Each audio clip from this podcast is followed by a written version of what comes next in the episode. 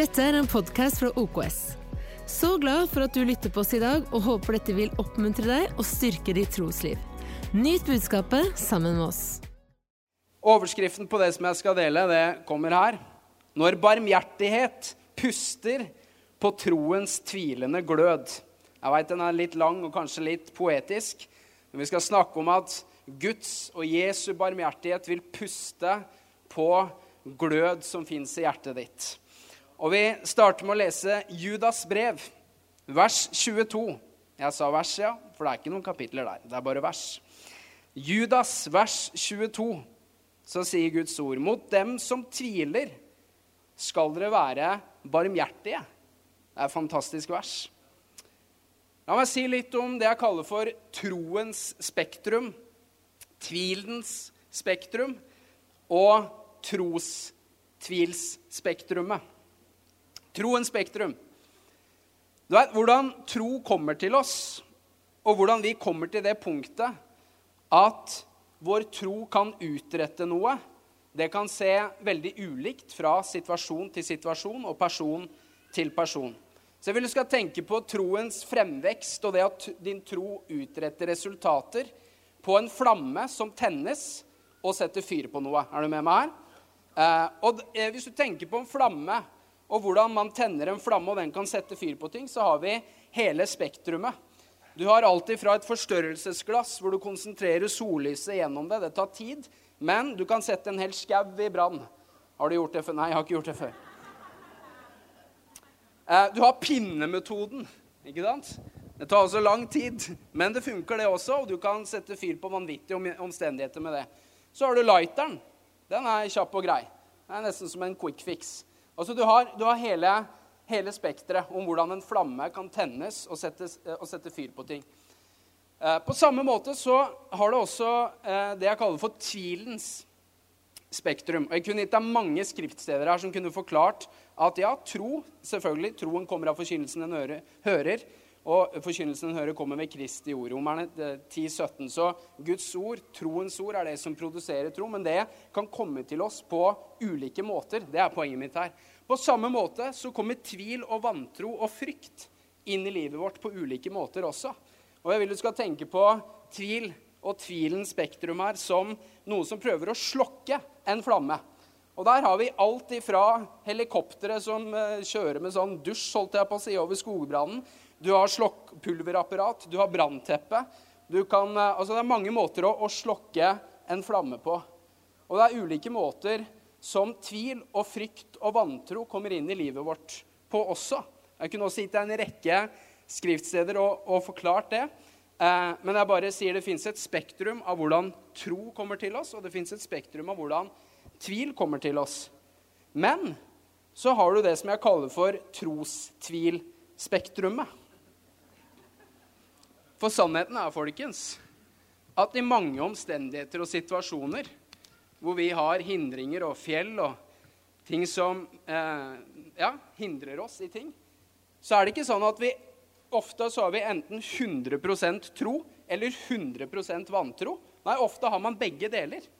Ofte kjenner man på begge deler, og vi skal se på en bibeltekst der hvor det er faktum. Du kan ha begge deler, og så skal vi se hvordan Jesus, Jesus er barmhjertig med oss i møte med vår tvil og puster på oss.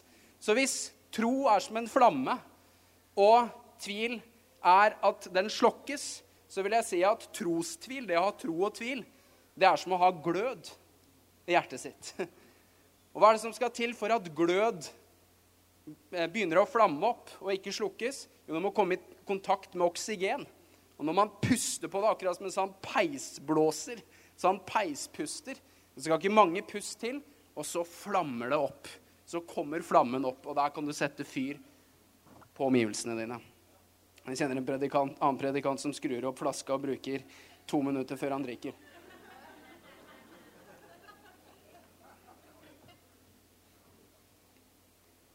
Ok, Så når barmhjertighet puster på troens tvilende glød Og ta det helt med ro. Dette er ikke vantrosforkynnelse, det er trosforkynnelse eh, de luxe. Og vi skal straks gå til en bibeltekst hvor vi skal se hvordan Jesu barmhjertighet virkelig puster på eh, gløden i, en, i, en, i, et menneskes hjerte. Og lære noe om hvordan Jesu barmhjertighet møter deg og meg akkurat der vi er, i vår tvil og tro.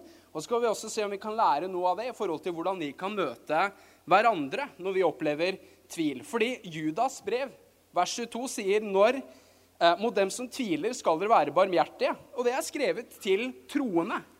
Med andre ord, det er mulig at troende kan oppleve tvil, og da er instruksjonen fra Guds ord vi skal være barmhjertige. eller vi skal, eh, Paulus sier i Romerne 14 at eh, dere som er sterke i troen, skal ta dere av de som er svake i troen.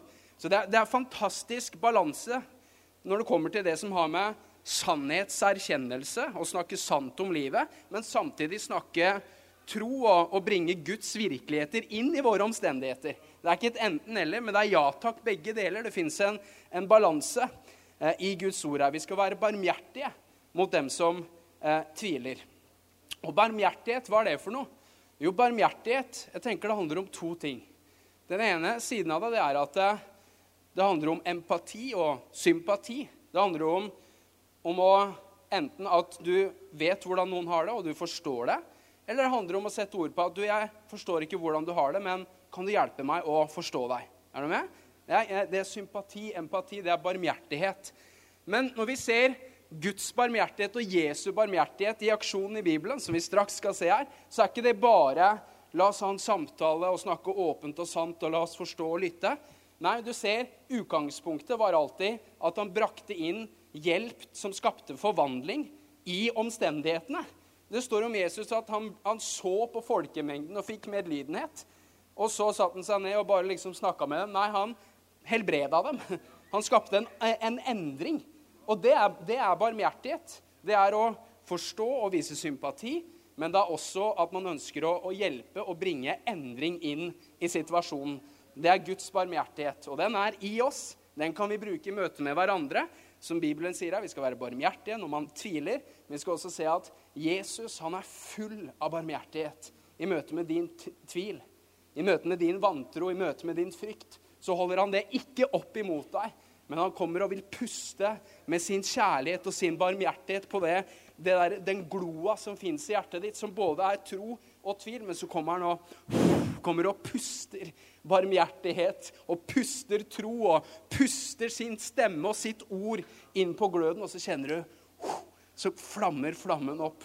Og der, der kommer den fulle overbevisningen, og der kan du bringe Guds virkeligheter inn i dine omstendigheter og se at eh, vår tro, den fungerer. Den er ment å skulle gi, gi, resultater. Den er ment at vi skulle kunne bringe himmelens virkeligheter inn i våre jordiske omstendigheter. Men fakta er at vi opplever i møte med omstendigheter så er det ikke, eh, eh ofte veldig ikke sånn 100% tro eller 100% tvil. Ja, det er som vi skal se i Bibelen her. 'Herre, jeg tror, hjelp min vantro.' Og så skal vi se Jesus. Oh yes, han hjelper din vantro. Han hjelper deg. Han puster sin barmhjertighet på det som gløder i hjertet ditt. OK. Og jeg tror, jeg tror ikke det er sånn at det å snakke sant om livet er noe motsetning til det å snakke sant om hvem Gud er i dette livet. Jeg, jeg tror du, du jeg, jeg, har sett mennesker som kan ta trosbudskapet, og som tar det helt i den grøfta, sånn at det, det blir misforstått og usunn tro på den måten at man lever i en fornektelse og liksom gjemmer seg bak tro, bruker det som en unnskyldning for ikke å ta tak i livet sitt. Men jeg har også sett hvordan mennesker tar Bibelens budskap om det å være åpen og ærlig og snakke sant om livet, tar det til inntekt for en tanke som gjør Jesus og troen veldig terapeutisk, der alt handler om ja, la oss sette, sette oss ned og forstå hverandre og, og, og, lytte. Og det som er sant, er at eh, mange av de som havner i den grøfta, dessverre har vært i den andre grøfta. Og så blir det en, en, eh, en reaksjon på det. Og så står man liksom og kaster stein på hverandre. Ja, 'Dere snakker ikke sant om livet. Dere er ikke ærlige.' Og så står de andre her liksom 'Ja, dere har ikke noe tro i det hele tatt.' Er du med her? Ja, skal vi være der eller der når Gud har kalt oss til å gå midt på veien, skjønner du. Til å snakke sant og åpent og ærlig om omstendigheter. Men også snakke sant om Guds virkeligheter og bringe de inn i våre omstendigheter. Det er ikke en motsetning, skjønner du. Og jeg har ikke en perfekt oppskrift på hvor mye prosent ærlighet og hvor mye prosent tro skal du snakke. Det er individuelt. ok? Du må huske på det fins et spektrum her. ok? Det er ulike personer, situasjoner. Men jeg er så glad for at min Jesus, vår Jesus, Bibelens Jesus, han tåler at vi er ærlige om at 'jeg sliter med frykt, jeg sliter med vantro'. Det er ikke noe han holder opp imot deg. Nei, da kommer han og så puster han med sin barmhjertighet på det som gløder i hjertet ditt. Og så kjenner du det flammer opp. Og så kjenner du nå nå kan vi sette fyr på omgivelsene.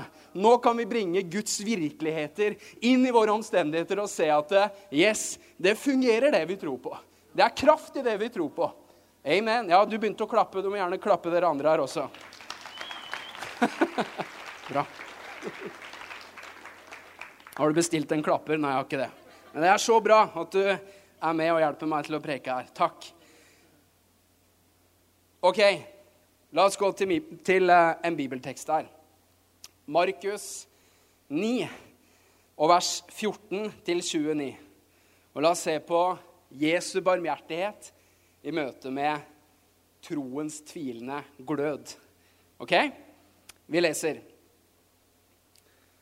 Markus 9, 14-29. Da de kom tilbake til de andre disiplene, så de en stor folkemengde samlet omkring dem, og noen skriftlærde som diskuterte med dem. Straks folk fikk øye på Jesus, ble de forferdet, og de løp mot ham for å hilse ham. Han spurte dem da, 'Hva er det dere diskuterer med dem?' En i mengden svarte, 'Mester, 'Jeg er kommet til deg med sønnen min fordi han har en ånd som gjør ham stum.' Når den griper fatt i ham, kaster den ham over ende, og han fråder og skjærer tenner og blir helt stiv.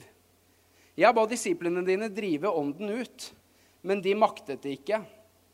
Da sa han til dem, Du vantro slekt, hvor lenge skal jeg være hos dere? Hvor lenge skal jeg holde ut med dere? Kom hit med gutten. De kom med ham og straks ånden fikk se Jesus, rev og slet den i gutten, så han falt over ende og vred seg og frådet. Jesus spurte faren, 'Hvor lenge har han hatt det slik?' 'Fra han var liten gutt', svarte han. Mange ganger har ånden kastet ham både i ild og i vann for å ta livet av han. Men om det er mulig for deg å gjøre noe, så ha medfølelse med oss og hjelp oss. Om det er mulig for meg, svarte Jesus. Alt er mulig for den som tror. Straks ropte guttens far, 'Jeg tror. Hjelp meg i min vantro.' Da Jesus så folk stimle sammen, truet han den urene ånden og sa, 'Du stumme og døve ånd, jeg befaler deg, far ut av ham, og far aldri mer inn i ham.' Da skrek den høyt, slet voldsomt i gutten og for ut. Gutten lå livløs, og alle sa at han var død. Men Jesus tok ham i hånden og hjalp ham opp, og han reiste seg. Da Jesus var kommet i hus og disiplene var alene med ham, spurte de, 'Hvorfor var det ikke mulig for oss å drive den ut?' Han svarte, 'Dette slaget er det bare mulig å drive ut ved bønn og faste.' Hva handler den historien her om? Jo, den handler om Jesu barmhjertighet som puster på troende tvilsglød i hjertet til en mann. Mange ting å lære her. En ting vi lærer, er at Gud gjør ting i prosesser. Noen ganger så tror jeg vi overvurderer hva Gud kan gjøre i et øyeblikk, og undervurderer hva Gud kan gjøre over tid. Å få tak på prosessen her det hele starter med at disiplene står og diskuterer med de skriftlærde. Og hva er det de snakker om? Jo, disiplene har prøvd å drive ånden ut av gutten. Og de står og diskuterer. De prøver å finne ut av hvorfor fungerte ikke det her. Og så kommer Jesus og sniker seg inn på dem og sier, 'Hva er det dere diskuterer?' Der starter prosessen. Og faren responderer og begynner å fortelle. Og, og Jesus han stiller et spørsmål til. Eh, hvor lenge har han hatt det sånn? Og så bringer de gutten til han, og, og, ånden river og sliter i gutten, og han fråder. Du må leve deg inn i hendelsen her. Det er en heftig hendelse. Og, og Jesus han står der og, og er ikke anfekta. Gutten står der og fråder og, er helt stiv og får et eller annet anfall pga. denne ånden som, som, river og drar inn. Og Jesus han er helt rolig og spør hvor lenge har han hatt det sånn? Full av tro. Full av tro. Rolig. Stabil. Og så kommer Jesus til det punktet hvor han driver ånden ut av ham, og da begynner ånden å riste skikkelig han igjen. Og, og, det, og han detter på bakken, og, det, og bibelteksten sier alle, alle tror at gutten er død. Ganske fascinerende. Og så ender det hele opp med at Jesus han tar han i hånda og hjelper han opp, og der står han oppreist og er fri. En prosess. En prosess. Og vers 9-16 Storstein må bare henge med her. Vi skal brekke opp den teksten her de neste 20 minuttene. Men som sagt, vers 9-16 så står det Da de kom tilbake til de andre disiplene, så de en stor folkemengde samlet omkring dem, og noen skriftlærde som diskuterte med dem. Straks folk fikk øye på Jesus For en setning. Straks folk fikk øye på Jesus. Det er det jeg håper du skal få i din situasjon. Få øye på Jesus. Og få Det som skjer her, det er at de diskuterer. På den ene siden er det en åpen og ærlig samtale. Jeg tror de snakker om hvorfor fungerte ikke det disiplene prøvde på. Hva, de prøver å finne løsninger. Det er en sann atmosfære. Så på ene siden så lærer vi noe om at det går an til å snakke åpent og sant om hvorfor vår tro ikke fungerer. Ikke sant? De diskuterer. Og så kommer Jesus og sier Og alle får øye på Jesus. Hele oppmerksomheten ledes over på Jesus. Han sier, 'Hva er det dere diskuterer?' Og så Jesus tar oppmerksomheten deres bort ifra å prate om hvorfor det ikke fungerte, og leder det over til en samtale med han som sitter inne med hele løsningen. Og så begynner han å føre en samtale med dem. Stille spørsmål. Ikke bare 'Yes, dette tar jeg meg av'. Nei, det er en prosess. Stille spørsmål. Samtale med dem. Og så eh, er det sånn at det står én mengde i, eh, en i mengden, eller én i flokken, svarte ham. Og det er så bra å ha noen sånne mennesker i mengden å ha noen sånne mennesker i flokken som på den ene siden har mot til å tørre å sette spørsmålstegn ved hvorfor fungerte ikke det jeg trodde på. Du ser, Denne pappaen han har ikke kasta inn håndkle ennå. Han tør å sette spørsmål ved hvorfor fungerte ikke dette. Han kaster ikke inn håndkle, så han forsto det fins en tid for å snakke sant og ærlig og ha en sannhetserkjennelse. Men så forsto han det fins også en tid til å lytte til han som virkelig har, har svarene å komme med. Så Jesus han, han kommer og sier, 'Hei, hva diskuterer dere?' Og en i mengden, pappaen, som virkelig er Som har et hjerte for sin sønn, for barnet sitt, som er eh, inntatt av en ånd, og, og, gjør at han får disse anfallene. Og han, han stiller seg fram, og han, han sier, 'Du, jeg, jeg tok med sønnen min til deg og, og disiplene dine.' De prøvde å drive den ut. Men de klarte det ikke. Få med deg det. De prøvde, men de klarte ikke. De klarte ikke. Og så fortsetter samtalen. Og han sier, 'Mester, jeg har kommet til deg med sønnen min fordi han har en ånd som gjør ham stum.' Når den griper fatt i ham, kaster den ham over ende, og han fråder og skjærer tenner og blir helt stiv. Jeg ba disiplene dine drive ånden ut, men de maktet det ikke. Da sa han til dem, 'Du vantro slekt, hvor lenge skal jeg være hos dere?' Hvor lenge skal jeg holde ut med dere? Kom hit med gutten. Jeg tror når Jesus sier eh, du vantro vrange slekt, hvor lenge skal jeg holde ut med dere? Så det er fort gjort å lese inn en litt sånn undertone av kjennepreken når du leser det. Men jeg tror, jeg tror dette er ikke noe Jesus sier til pappaen. Dette blir sagt til disiplene som prøvde å drive ånden ut. Du, du, du, må, du, må, få med deg at Jesus en, driver og coacher og trener disiplene sine til å bruke tro her. Og Hele hendelsen starter med at Jesus er aleine i huset med disiplene og har en slags coaching-time med disiplene, hvor de spør hvorfor, hvorfor funka ikke det her. Og Jesus svarer hva som ikke eh, gjorde at det fikk de, resultatene som de ønska å få. Vi, skal avslutte med det, for det fins noe nydelig gull der som kan hjelpe min og din tro og hjelpe vår vantro. Så um, Jesus han, han, gir en sånn liten, liten feedback til disiplene. Du vantro vrange slekt, hvor lenge skal jeg holde ut til dere? Men så henvender han seg til pappaen din og sier, kom hit. Kom hit med gutten din. Før ham til meg. Du ser at Vantro og, og, og frykt og tvil det var ikke et hinder for at Jesus kunne håndtere dette problemet. Han holdt ikke det opp imot disiplene eller pappaen. Han sier, 'Før han til meg. Kom hit med gutten.' Og så fører de, til, fører de gutten til Jesus. Neste vers. Um, de kom med ham, og straks ånden fikk se Jesus, rev og slet den i gutten, så han falt over ende og vred seg og frådet. Og Jesus fikk panikk. Nei. Nei du, du, altså, Månesyke heter det her som han har. Bibelkommentarer sier det er, det er nesten som en slags epileptisk anfall. Og, og, Jeg har hørt mennesker som har observert andre som har epileptisk anfall. Det, det, kan se ganske skremmende ut, har jeg hørt. Uten å gå mer i dybden på det. Jeg bare prøver å sette oss inn i hva som skjer her. De kommer med gutten, og Jesus skal løse problemet. Og det er, det er leven. Det er fråding. Det er, det er, det er virkelig et, et, leven her. Og Jesus, stødig som et fjell, og sier til pappaen ja, 'Hvor lenge har han hatt det sånn?' Hvor lenge har han hatt det sånn?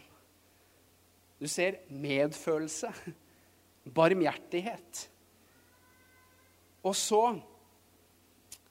begynner pappaen å fortelle fra vers 22. Mange ganger har ånden kastet ham både i ild og i vann for å ta livet av ham. Men om det er mulig for deg å gjøre noe, så ha medfølelse med oss og hjelp oss. Om det er mulig for meg, svarte Jesus. Alt er mulig for den som tror. Altså, Hvor lenge har han hatt det sånn? Og faren forteller. Nei, siden han var liten. Forteller hvordan det her har vært. Og så kommer pappaen til det punktet hvor han sier, 'Jesus, om du makter noe er, Hvis det er noe som helst du kan gjøre her, kan du ha barmhjertighet med oss?' Kan du ha medfølelse med oss? Kan du, kan du hjelpe oss, Jesus? Kan du hjelpe meg i den situasjonen her? Og Jesus, han sier, 'Spør du meg?' Spør du meg om jeg kan hjelpe deg? Spør du, spør du, om jeg kan hjelpe deg? Alt er mulig for den som tror, sier Jesus. Alt er mulig for den som tror. Og jeg har lest den teksten her så mange ganger og tenkt at når Jesus sier 'alt er mulig for den som tror', så har jeg tenkt at Jesus legger ansvaret over på pappaen og, og, og liksom Ja, så du må tro hvis dette skal skje. Er du med meg her? Alt er mulig for den som tror. Og så har jeg liksom tenkt ja, pappaen fikk høre han må bygge sin tro her og jobbe med sin tro. For alt er mulig for den som tror. Men spørsmålet det var hvis du, Jesus, makter du å gjøre noe, kan du ha medlidenhet med oss? Og Jesus sier, spør du om, om jeg? Are you talking to me? spør du om jeg kan gjøre noe? Alt er mulig for den som tror. Hvem er det Jesus sikter til når han sier alt er mulig for den som tror? Til seg selv. Er du med meg her? Han sikter til seg selv, som ingenting er umulig for. Og hva skjer videre? Hva skjer videre i samtalen her? Og hva er det Jesus driver med? Jo, hør, Jesus hjelper pappaen til å sette sin lit til Jesus. Det er det han driver med her. Driver, når Jesus spør han, eh, hvor lenge har han hatt det sånn, var det fordi Jesus som er all, eh, som er altvitende, ikke visste hvordan dette var. Men han hjelper han til å sette sin lit til han som ingenting er umulig for. Er, er du med i prosessen her? Kan du Ja.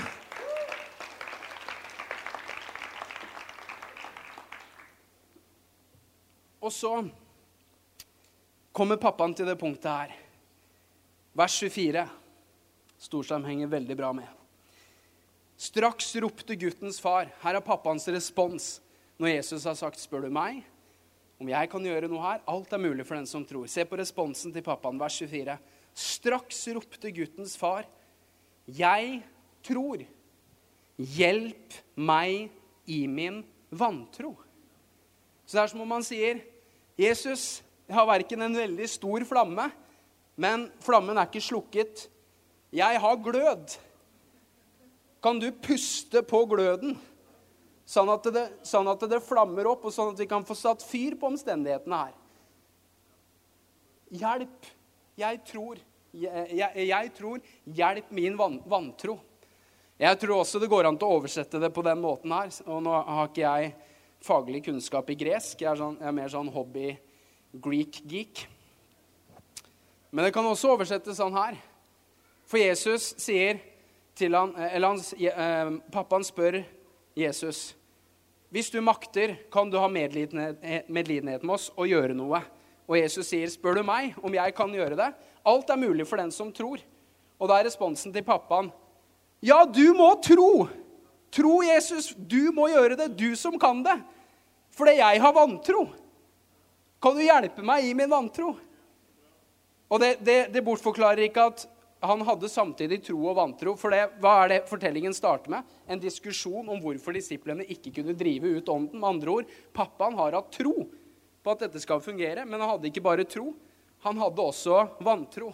Og sier Jesus, kan du hjelpe meg i min vantro? Og hva er Jesus sin respons? Jo, vi leser videre fra vers 25 til 27. Da Jesus så at folket kom løpende og samlet seg, refset han den urene ånden og sa til den, døve og stumme ånd, jeg befaler deg, far ut av ham, og far ikke mer inn i ham. Da skrek ånden og rev kraftig i ham og for ut av ham. Og han ble som død så, eh, så mange sa, 'Han er død'. Men Jesus tok ham med hånden og løftet han opp, og han reiste seg. Du vet, Vi, vi sang i stad under lovsangen Mer enn det vi forstår, mer enn vi håper på. Altså, vi, vi, vi synger om at Gud er virksom mer enn vi forstår, og mer enn vi håper på. Hva er det som skjer her? Jeg tror, hjelp min vantro. Og Jesus, som, ingen, som, er den som tror, som ingenting er umulig for, refser ånden og driver den ut. Men hva skjer? Jo, det står ånden far ut av han. Så fra Jesu perspektiv, heng med her, fra Jesu perspektiv så er kampen vunnet. Ånden har faret ut av, av gutten. Så fra Jesu perspektiv så er seieren vår. Kampen er vunnet. Men fra folkets perspektiv så er det et totalt annet syn på hva som skjer. For det står gutten falt som om han var død. Så mange, eller annen oversettelse sier, så alle sa han er død. Så fra Jesu perspektiv så er seieren allerede vunnet. Fra folkets perspektiv så er alt håp ute, og kampen er tapt. Det er to vidt forskjellige perspektiver. Og jeg vet hva? Jeg tror det gjelder det samme i menneskesituasjoner som er representert i denne gudstjenesten her. Hvor mennesker som er rundt deg, sier 'det nytter ikke', kast inn håndkleet og gi opp.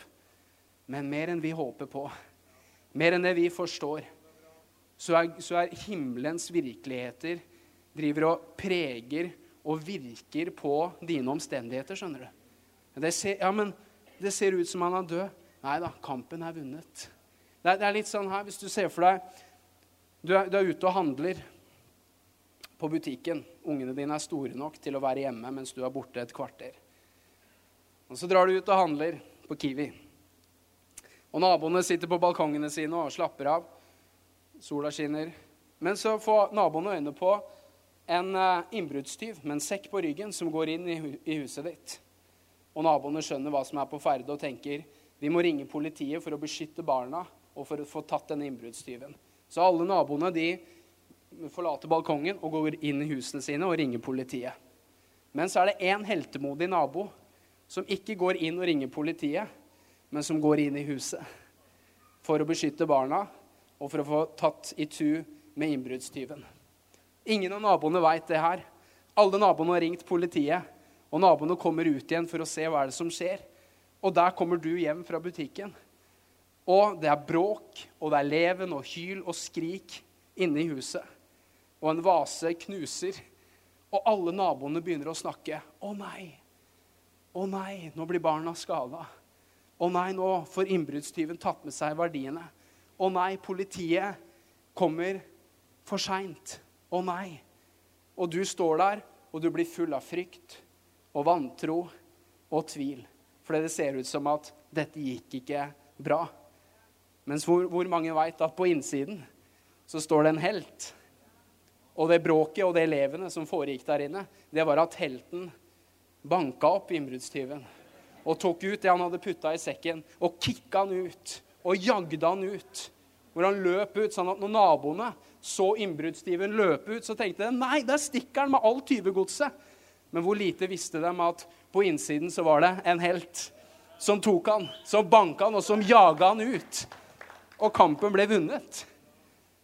Og inne i huset var helten og trøsta og ga omsorg til barna. Og du kommer inn, og du forsto her er det Oi. Her er det en helt annen verden enn den som var der ute. Akkurat sånn er det også med denne gutten. Jesus driver ånden ut av ham, og han faller ned til bakken som om han er livløs. Kampen er vunnet, mens fra dems perspektiv han er død. Og vet du hva? Jeg tror det gjelder noen situasjon her, her også.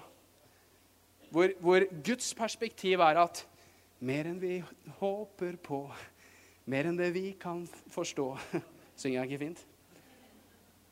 Gud er mer virksom.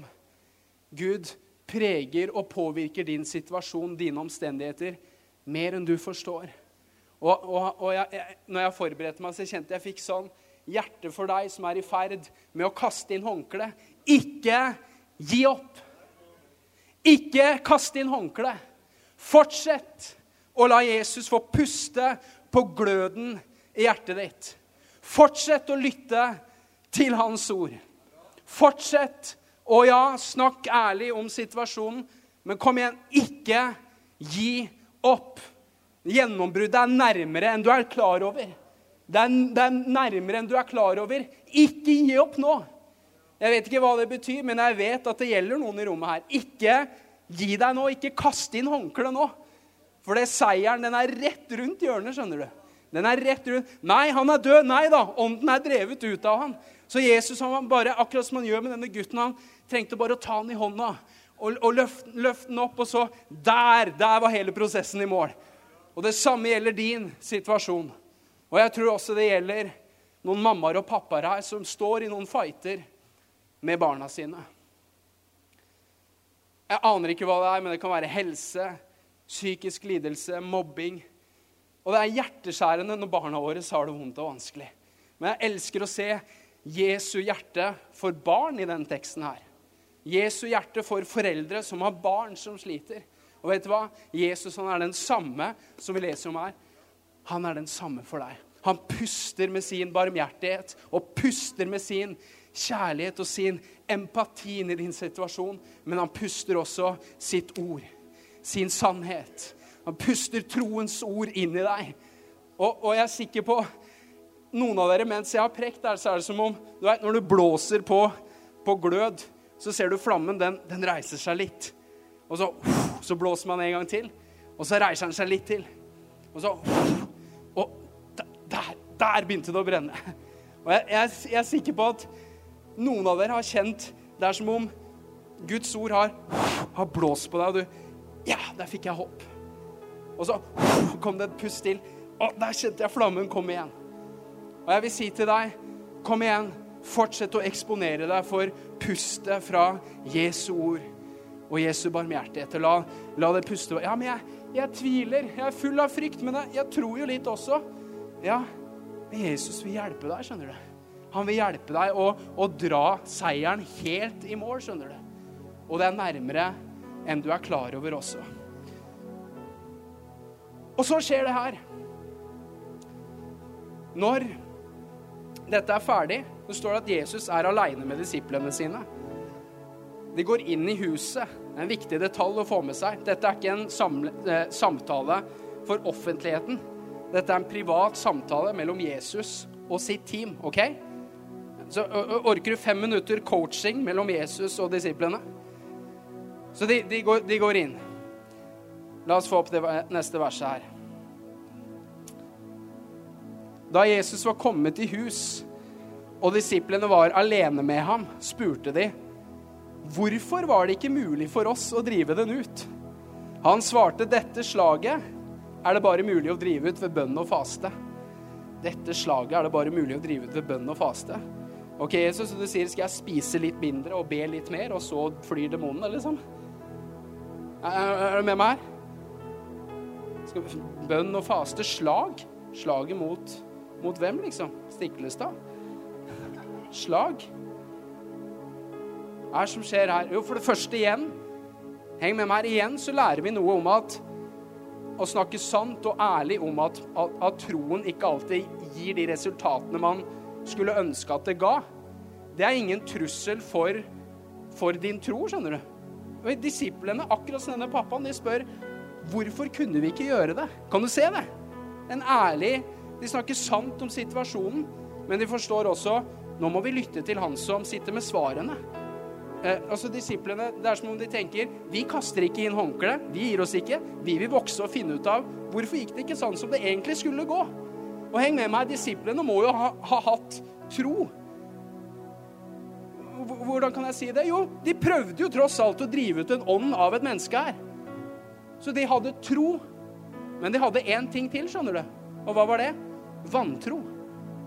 De hadde verken en kjempeflamme eller flammen var helt slukt. Nei, de hadde også glød, skjønner du. Hvorfor, funger, hvorfor fungerte ikke det her, Jesus? Og Jesus sier det slaget her farer ikke ut uten ved bønn og faste. Bønn og faste skal jeg spise mindre og be mer. Jeg tror det handler om noe, noe mer enn det. Og la oss se det for den hendelsen her gjenfortelles i Matteus 17. Og la oss se akkurat denne coachingsamtalen mellom Jesus og disiplene i Matteus 17 og vers 19-21. Jeg må få gitt deg, gitt deg det her før vi, før vi avslutter. Heng med her og, og, få tak på Jesus sitt svar. Jesus svarte, og da har de nettopp stilt dette spørsmålet hvorfor, hvorfor kunne ikke vi drive, drive ånden ut? Jesus svarte på grunn av deres vantro. Ser du det? På grunn av deres vantro. Sannelig sier jeg dere, hvis dere har tro som et sennepsfrø, kan dere si til dette fjellet, flytt deg herfra til dit, og det skal flytte seg. Og ingenting skal være umulig for dere, for dette slaget farer ikke ut uten ved bønn og faste. Så jeg påstår disiplene sitt problem, det var ikke at de ikke hadde tro men de hadde vantro. Og eh, noen, noen, tenker ja, problemet er de hadde lite tro, så Jesu budskap det er dere må ha større tro. Nei, hva er det Jesus sier? Hvis dere har tro som et uh, er, det, er det svært? Bitte lite. Så stor tro, liten tro, var ikke problemet. Nei, de hadde vantro av deres vantro, sier Jesus. Og husk på vantroens spekter nå. Husker du den innledningen jeg hadde? Vantro kommer inn på forskjellige måter. Tvil kommer inn på forskjellige måter. Peter går på vannet. Og da han så det veldige stormværet, begynte han å synke. Hva er det for noe? Det er vantro som kommer inn gjennom dine naturlige sanser. Hvor du ser på omstendigheter som sier det motsatte av hva Guds ord sier. Og så fyller du deg med det på en sånn måte at vantro kommer inn. Peter begynte å synke. Hva er det som skjer med disiplene her? Jo, jeg tror Vantro kom inn. De skal prøve å drive ånden ut. Men husk på, denne ånden, den reiv og sleit i gutten. Han fråda. Han fikk anfall. Og jeg tror disiplene, når de så det, så kom vantro inn gjennom deres naturlige sanser. Og nå må du henge med meg. Jeg står ikke her og sier at ja, da er løsningen i møte eh, foran enhver type tvil og frykt og vantro, så er alltid løsningen at da må du liksom ta blikket ditt totalt bort ifra det og over på Jesus. Dette er bare én type tvil og vantro. Er det med meg her? Det fins mange forskjellige måter det kommer inn, inn, i oss på. Så jeg sier ikke at løsningen alltid er dette, men dette er svaret Jesus gir i denne situasjonen. Og jeg tror dette også er et svar til noens situasjon i dette rommet her. Hvor du har stirra med sansene dine. Det du har sett, det du har hørt, det du har følt. Du har vært så fokusert og gitt din oppmerksomhet så mye på omstendighetene dine. Og vi må håndtere omstendighetene våre. Jeg håper jeg har klart å bringe fram en balanse i, i, det her. Men jeg, nå snakker jeg til, spesielt til deg som har stirra så mye på det at vant, du er full av vantro og frykt fordi du har hatt din oppmerksomhet på det. Dette slaget, sier Jesus, far ikke ut uten ved bønn og faste. Hvilket slag da? Var det sånn at eh, Jesus sier dere må spise mindre og be mer, og så vil demonene fly? Nei, dette slaget, hvilket slag? Hvilken kamp? Kampen om deres vantro, skjønner du. Det er det Jesus tar opp her. Og hva, hva, hva kan vi hente ut av dette slaget far ikke ut uten ved bønn og faste? Jo, la meg si det veldig enkelt. Det har med ditt fokus og med din oppmerksomhet å gjøre. Hva er det du ber? Når du ber, hva er det du gjør da? Du har oppmerksomhet og fokus på Gud og på Jesus. Hva er det du gjør når du faster? Jo, du tar litt lederskap over sansene dine og, og nekter deg noe jordisk som du har lyst på. Og så bringer du det, eh, bringer du fokuset og oppmerksomheten din over på Jesus. Og det er det Jesus underviser om her. Dette slaget den vantroen, den fighten du står i, det er det bønn og faste som vil løse. Og da står ikke jeg her og sier nå må du spise mindre og be mer, men jeg sier kanskje du skal ta og flytte oppmerksomheten og fokuset ditt litt bort ifra omstendighetene og begynne å få øynene dine over på han som sier 'Jeg kan'. Ingenting er umulig for meg. Og han holder ikke tvilen eller frykten eller vantroen holder ikke det opp imot deg, holder ikke sine velsignelser ifra deg, selv om du eh, tviler. Nei, han er barmhjertig. Når Jesus puster sin barmhjertighet på deg, og puster sitt ord på deg, så er det sånn at det flammen som er i hjertet ditt, flammen som er der, den flammer opp. Den flammer opp. Den flammer opp igjen. Og det kan ta tid, men jeg sier, ikke gi opp. Ikke kast inn håndkleet. Gjennombruddet er nærmere enn du tror. Og jeg tror det også, som jeg sa her, gjelder noen mammaer og pappaer. Hvor du har en skikkelig krevende situasjon. Jeg mener vi har alle, alle bekymringer for eh, barna våre, vi som er mammaer og pappaer. Men jeg, jeg, jeg, har, jeg, har, et skikkelig hjerte for deg avslutningsvis. Vil, jeg vil be en bønn for deg også. Um, og jeg tror det kan hjelpe deg til å bare fortsette å la Jesus få puste på det som gløder i hjertet ditt, sånn at det virkelig flammer, og du får satt fyr på omstendighetene dine hvis du henger med på bildet mitt her. Så til deg som, til deg som er i en sånn situasjon hvor du har eh, barn som opplever noe tøft og vanskelig Som jeg sa i stad, jeg aner ikke hva det er. Mobbing, psykisk, utviklingsproblemer, sosiale utfordringer. Jeg veit ikke. Men én ting veit jeg at den Jesus vi har prekt om og lest om i dag, han er den samme for deg. Og som han sa til denne pappaen, kom hit med gutten din. Bring han til meg. Så sier Jesus det samme til deg som er en mamma og pappa her, og som har barn som har det tøft og vanskelig, så sier Jesus til deg, kom hit med gutten din. Kom hit med jenta di. Puster, puster på det som gløder i hjertet ditt. Kom jeg skal hjelpe deg. Gi gutten din til meg. Alt er mulig for meg. Ingenting er umulig for meg. Jeg elsker deg. Jeg elsker jenta di. Jeg elsker gutten din. Kom hit med gutten din. Kom hit med jenta mi. Takk for at du tok deg tid til å lytte på en av våre podcaster fra OKS. Vår visjon er å bringe Jesus til mennesker i vår verden, og mennesker i vår verden til Jesus. Følg oss ellers på vår YouTube-kanal og sosiale medier. Du er velkommen til å besøke en av våre kirker. For mer informasjon, sjekk ut oks.no.